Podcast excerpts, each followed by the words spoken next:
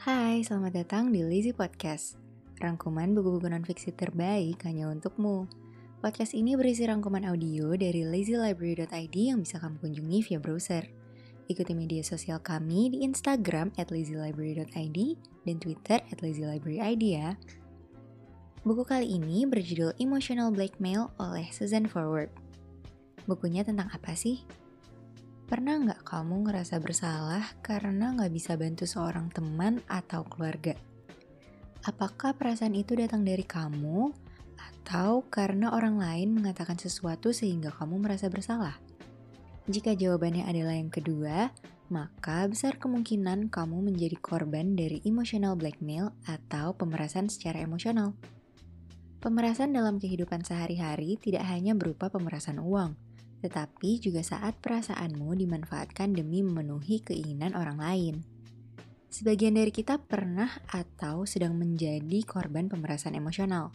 Terkadang hal itu sangat mudah terlihat, kadang juga sangat sulit untuk dikenali. Namun, satu hal yang pasti, pemerasan emosional membuat kita merasa buruk. Melalui rangkuman ini, dengan menggunakan beberapa kasus dari klien sang penulis, yaitu Susan Forward, kita akan melihat bagaimana pemerasan emosional bekerja serta cara melepaskan diri dari tindakan toksik ini. Yang akan kita pelajari adalah bagaimana pemerasan emosional bekerja dengan baik dengan FOG atau Fear, Obligation, dan Guilt. Lalu mengapa sifat manusia tertentu jauh lebih rentan terhadap pemerasan emosional dan bagaimana titik kebanggaanmu bisa menjadi senjata melawan pemeras. Bagian 1. Pemerasan emosional, manipulasi cerdik yang mungkin membentuk hubungan terdekat kita. Saat berbicara tentang pemerasan, kamu mungkin akan membayangkan sekelompok penjahat yang meminta uang. Nyatanya, pemerasan juga ada di kehidupan pribadi kita loh. Pemerasan ini berjenis emosional yang mengintai beberapa hubungan terdekat kita. Seperti jenis pemerasan lainnya, pemerasan emosional berakar dari ancaman – tetapi dalam bentuk yang lebih halus dan mungkin tidak disadari. Seperti ucapan, kalau kamu nggak ngelakuin ini untuk aku, kamu akan tanggung akibatnya. Contoh klasik dari pemerasan emosional adalah saat seseorang mengancam akan putus dengan pacar mereka, meskipun si pacar sangat menyayanginya dan akan melakukan apa pun untuk mencegah putusnya hubungan mereka. Intinya, saat seseorang mengancammu untuk melakukan apa pun yang mereka inginkan, kemungkinan besar kamu telah diperas secara emosional. Ditambah lagi, kamu mungkin sangat sering mengalaminya dalam kehidupan sehari-hari. Kenapa kita membiarkan hal ini terjadi kepada kita? Masalahnya, mudah bagi kita untuk tanpa sadar masuk ke dalam jebakan pemeras. Pemerasan emosional sering terjadi dalam hubungan dekat karena si pemeras mengenal kamu dan kelemahanmu dengan sangat baik. Sebagai contoh, seorang pemeras dapat menjebak orang-orang yang membanggakan kemurahan hati, kasih sayang, dan kesetiaan dengan menyebut mereka sebagai orang tamak, berhati dingin, dan tidak bisa dipercaya. Tentunya kecuali jika mereka tersebut memang bersikap seperti yang dikatakan si pemeras ini. Terlepas dari penderitaan psikis mendalam yang ditimbulkan, pemerasan emosional tetap sulit untuk dikenali karena satu alasan, yaitu kita tidak ingin melihatnya. Fakta bahwa orang terkasih telah memanipulasi kita merupakan kenyataan pahit yang sulit diterima. Banyak dari kita memilih untuk mengabaikannya. Tetapi, jika kamu ingin memutus habis hubungan toksik yang terjadi dalam hidupmu, simak bagian selanjutnya untuk mengenali tanda-tanda pemerasan emosional. Bagian 2. 6 tanda utama dalam pemerasan emosional. Walaupun pemerasan emosional sulit untuk dihindari, kita bisa mengenalinya dengan melihat enam tanda utama yang membedakannya, yaitu keinginan, perlawanan, tekanan, ancaman, kepatuhan, dan yang terakhir, repetisi. Pemerasan emosional dimulai saat keinginan seorang individu dihambat oleh perlawanan. Ambil contoh dari Anna dan Arti. Mereka adalah pasangan yang menemui sang penulis, yaitu Susan Forward, untuk melakukan terapi. Ari ingin tinggal bersama Anna. Ini adalah keinginan Ari.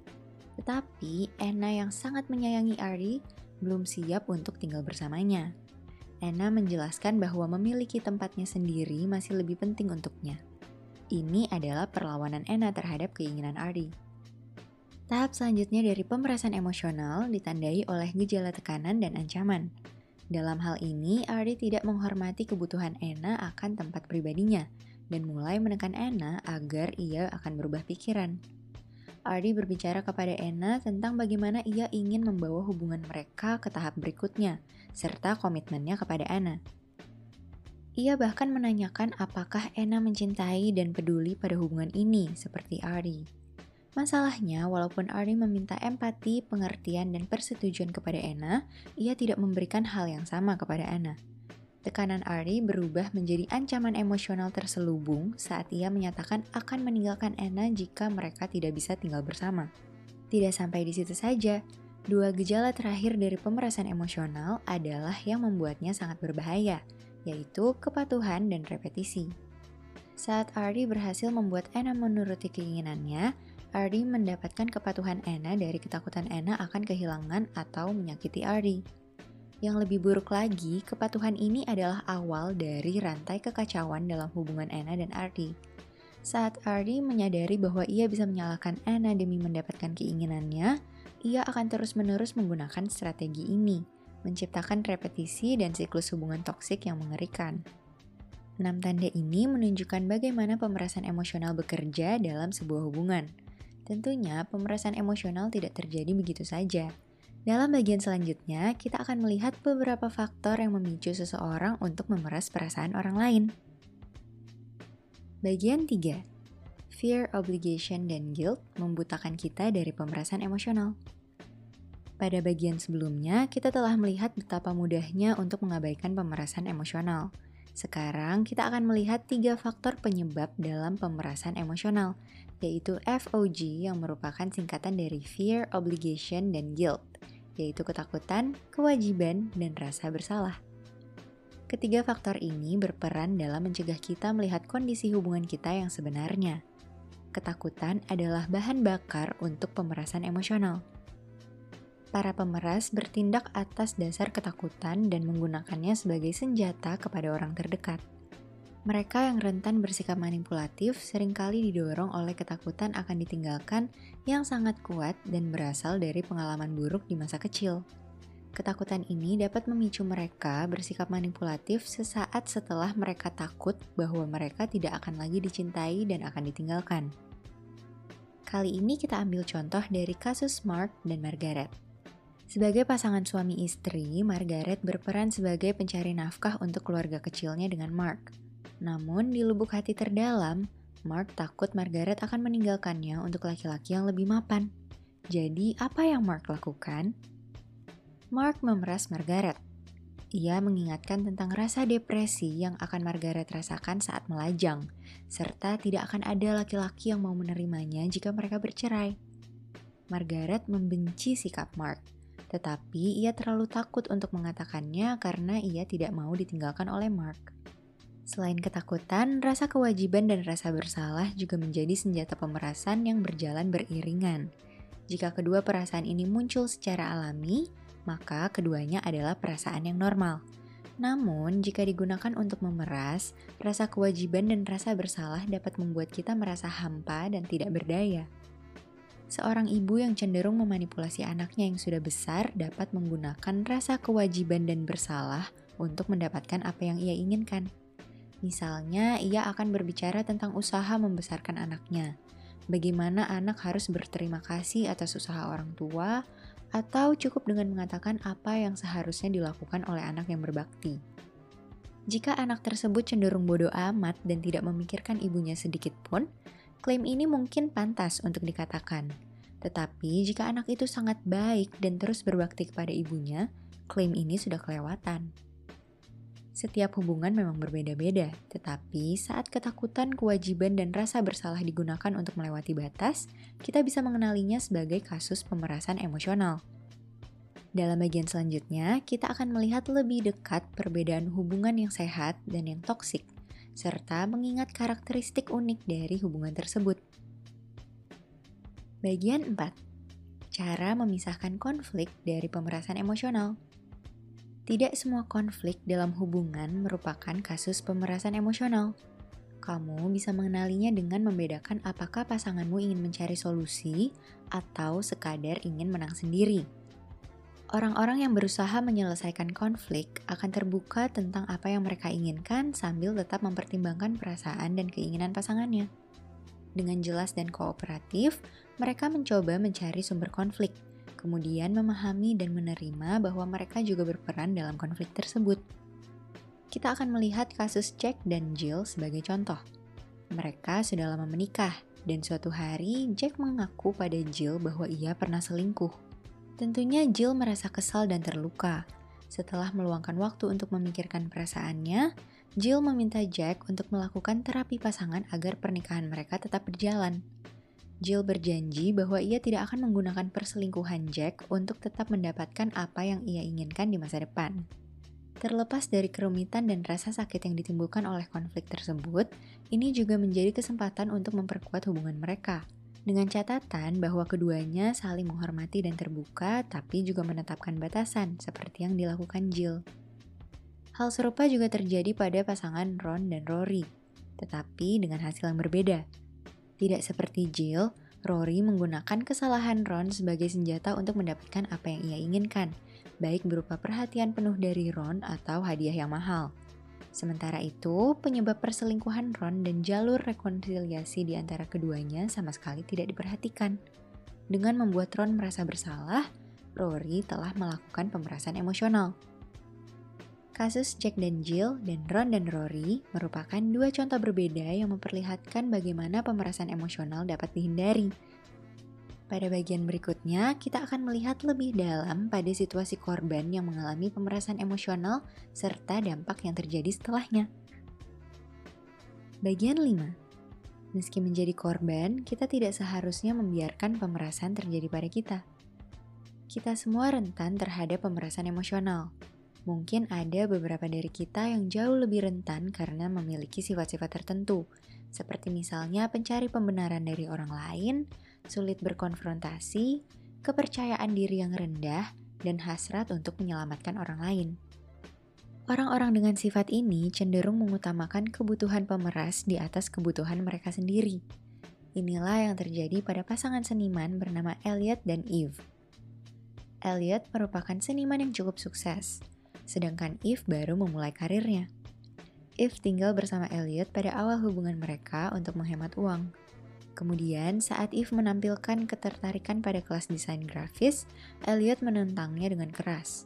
Alasannya, Elliot merasa bahwa Eve meninggalkannya dengan melakukan hal baru, bahkan jika Eve berkompetisi dengannya. Pada pagi sebelum kelas Eve dimulai, Elliot menyerangnya secara verbal. Ia menanyakan kenapa Eve sangat bersikeras untuk melukainya dengan cara ini. Eve sempat merasa bahwa datang ke kelas itu adalah hal yang benar untuk dilakukan. Lagi pula, ia baru saja meniti karir. Namun, karena tidak mampu menghadapi konfrontasi intens dari Elliot, Eve mulai meragukan dirinya sendiri. Ia akhirnya tinggal di rumah dan keluar dari kelas itu. Seperti yang kita ketahui, pemerasan dapat terjadi berulang kali. Saat kita menyerahkan diri pada pemerasan, kita akan merasa malu serta ketulusan dan harga diri kita seperti ternodai. Oleh karena itu, usaha kita untuk melawan pemerasan menjadi jauh lebih lemah. Inilah yang terjadi pada Eve. Setelah mengundurkan diri dari kelas, ia diliputi oleh kebencian akan dirinya sendiri, kebingungan, dan ketakutan akan tanggung jawabnya dalam membahagiakan Elliot. Sementara itu, Elliot tahu benar cara untuk memaksa Eve agar mematuhi semua keinginannya. Dari sini, kita bisa melihat bahwa meskipun korban pemerasan tidak bisa disalahkan, mereka bertanggung jawab untuk melawan fakta bahwa mereka diperas secara emosional. Untuk kamu yang mungkin meragukan kemampuanmu untuk melawan pemerasan, bagian berikutnya akan memperlihatkan langkah yang diperlukan untuk mempertahankan harga dirimu. Bagian 6. Cara mengatasi pemerasan emosional. Untuk menghindari jebakan pemerasan emosional, kamu bisa mencoba beberapa langkah sederhana ini. Pertama, kamu harus melawan provokasi dari pemeras pelaku dapat berusaha menciptakan suasana ketegangan yang membuat korbannya merasa harus patuh dan terus menderita. Untuk menghindarinya, bersikaplah dengan tegas dan luangkan sedikit waktu untuk berpikir. Ucapan seperti, aku nggak bisa jawab sekarang, jadi beri waktu aku untuk berpikir. Atau, aku nggak siap untuk bikin keputusan sekarang, nanti kita omongin lagi ya. Dapat menjadi solusi. Meskipun si pemeras mungkin tidak akan bereaksi dengan baik, jangan mudah terpengaruh. Ulangi ucapan itu dan tetap tenang. Ingatlah bahwa waktu mereka tidak mendefinisikan waktumu. Kamu juga punya prioritas yang sama pentingnya dengan prioritas mereka kamu bisa mengambil waktu untuk berpikir dan menanggapi konflik dengan kepala jernih. Dengan begitu, kamu bisa mematahkan pola manipulatif dalam hubunganmu. Selanjutnya, jauhkan dirimu dari situasi itu. Hal ini bertujuan untuk mengamati konflik yang kamu alami dari perspektif yang berbeda. Jika kamu kesulitan, tanyakan pada dirimu sendiri, apa yang pasanganku inginkan? Bagaimana cara ia bertanya dan apa reaksinya saat aku tidak setuju dengannya. Kemudian, pikirkan reaksi emosionalmu dan lihat apakah reaksimu menunjukkan kelemahan atau hayalan yang disengaja. Perasaan seperti aku akan bertanggung jawab atas kebahagiaannya, atau ia membutuhkanku, atau hanya aku yang ia punya, atau kalau aku menyerah sekarang ia nggak akan maksa lagi, atau aku egois kalau nggak nurutin kemauan dia, itu semua adalah sinyal berbahaya. Jika kamu merasa terkurung, ketakutan, frustasi, kewalahan, marah, atau bersalah, pikirkan penyebab yang memicu perasaan ini. Lalu, apakah si pemeras mengacuhkanmu, memutar mata, menangis, atau berteriak? Tulis pikiran-pikiran itu untuk langkah terakhir, yaitu hubungkan tindakanmu dengan perasaanmu. Dengan memetakannya, kamu siap untuk mengakhiri pemerasan emosional. Dan sebagai perlawanan terakhir, kita akan melihat dua serangan final untuk mengakhiri siklus pemerasan emosional, yaitu membuat batasan dan berani berbicara. Kita lihat di bagian berikutnya. Bagian 7. Serangan final untuk mengakhiri siklus pemerasan emosional. Setelah mendengarkan rangkuman sejauh ini, apakah kamu merasa telah menjadi korban pemerasan emosional? Jika iya, berarti kamu harus banget dengerin bagian ini untuk mengakhiri siklus pemerasan emosional. Pertama, ketahuilah batasanmu. Setelah memetakan tindakan pasangan dan reaksimu terhadapnya, lalu menyadari bahwa sikap manipulatif pasangan telah membebani kamu, jangan kesampingkan fakta ini. Galilah lebih dalam dan persiapkan diri saat pasanganmu melewati batas. Dengan cara ini, kamu dapat menyadari saat ia bersikap kelewatan di masa depan.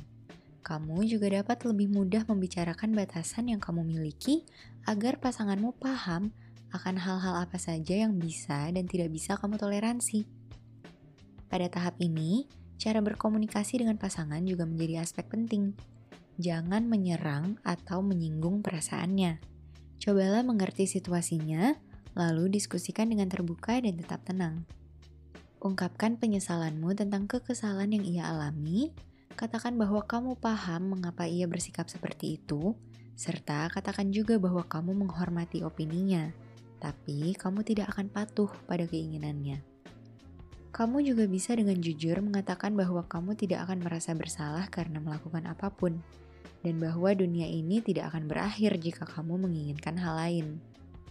Pernyataan ini dapat mencegah terjadinya perkelahian sambil tetap memastikan keteguhanmu dengan prioritasmu. Terakhir, ingatlah bahwa dibutuhkan waktu untuk mengubah kebiasaan si pemeras serta hubungan di antara kalian. Terakhir, ingatlah bahwa dibutuhkan waktu untuk mengubah kebiasaan si pemeras serta hubungan di antara kalian. Komunikasi yang membaik, batasan baru, serta renungan yang hati-hati akan membantumu untuk tidak lagi menjadi korban pemerasan emosional. Mungkin juga ini saatnya untuk kamu meninggalkan hubunganmu jika diperlukan. Semua tergantung pada seberapa besar usaha yang kamu dan pasanganmu lakukan demi membuat sebuah perubahan menuju hubungan yang lebih sehat dan bahagia. Kita sampai di bagian terakhir dari rangkuman ini. Pemerasan emosional dapat terjadi pada siapa saja dalam hubungan apa saja, entah itu pasangan, teman, atau keluarga. Hubungan yang sehat tidak akan membuatmu merasa bingung, takut, atau terbebani saat menjalaninya. Kamu tidak perlu merasa terkurung atau kewalahan dengan hubungan yang sedang kamu jalani. Dengan mengenali tanda-tanda pemerasan emosional dan dampaknya dalam hidupmu, kamu bisa mulai mengambil langkah untuk membela diri, membuat batasan, serta menciptakan perubahan dalam hubunganmu. Petikan ilmunya, dengarkan kata hatimu. Saat kamu merasa pasanganmu mulai sering menuntut dengan tidak wajar, jangan menutup mata dari sikap yang berlebihan tersebut. Dengarkan perasaanmu dan perhatikan jika muncul reaksi berupa rasa bersalah dan ketakutan. Untuk membela diri sendiri, kamu harus tahu kapan dan kenapa kamu merasa tidak berdaya. Setelah menyadarinya, kamu akan mengerti bahwa kamu tidak berhak untuk merasakan itu lagi. Capai diri terbaikmu dengan rangkuman non-fiksi terbaik dari kami. Ikuti kami di Instagram at lazylibrary.id dan Twitter at LazyLibraryID. Serta jangan lupa untuk share rangkuman ini ke orang-orang terdekatmu ya.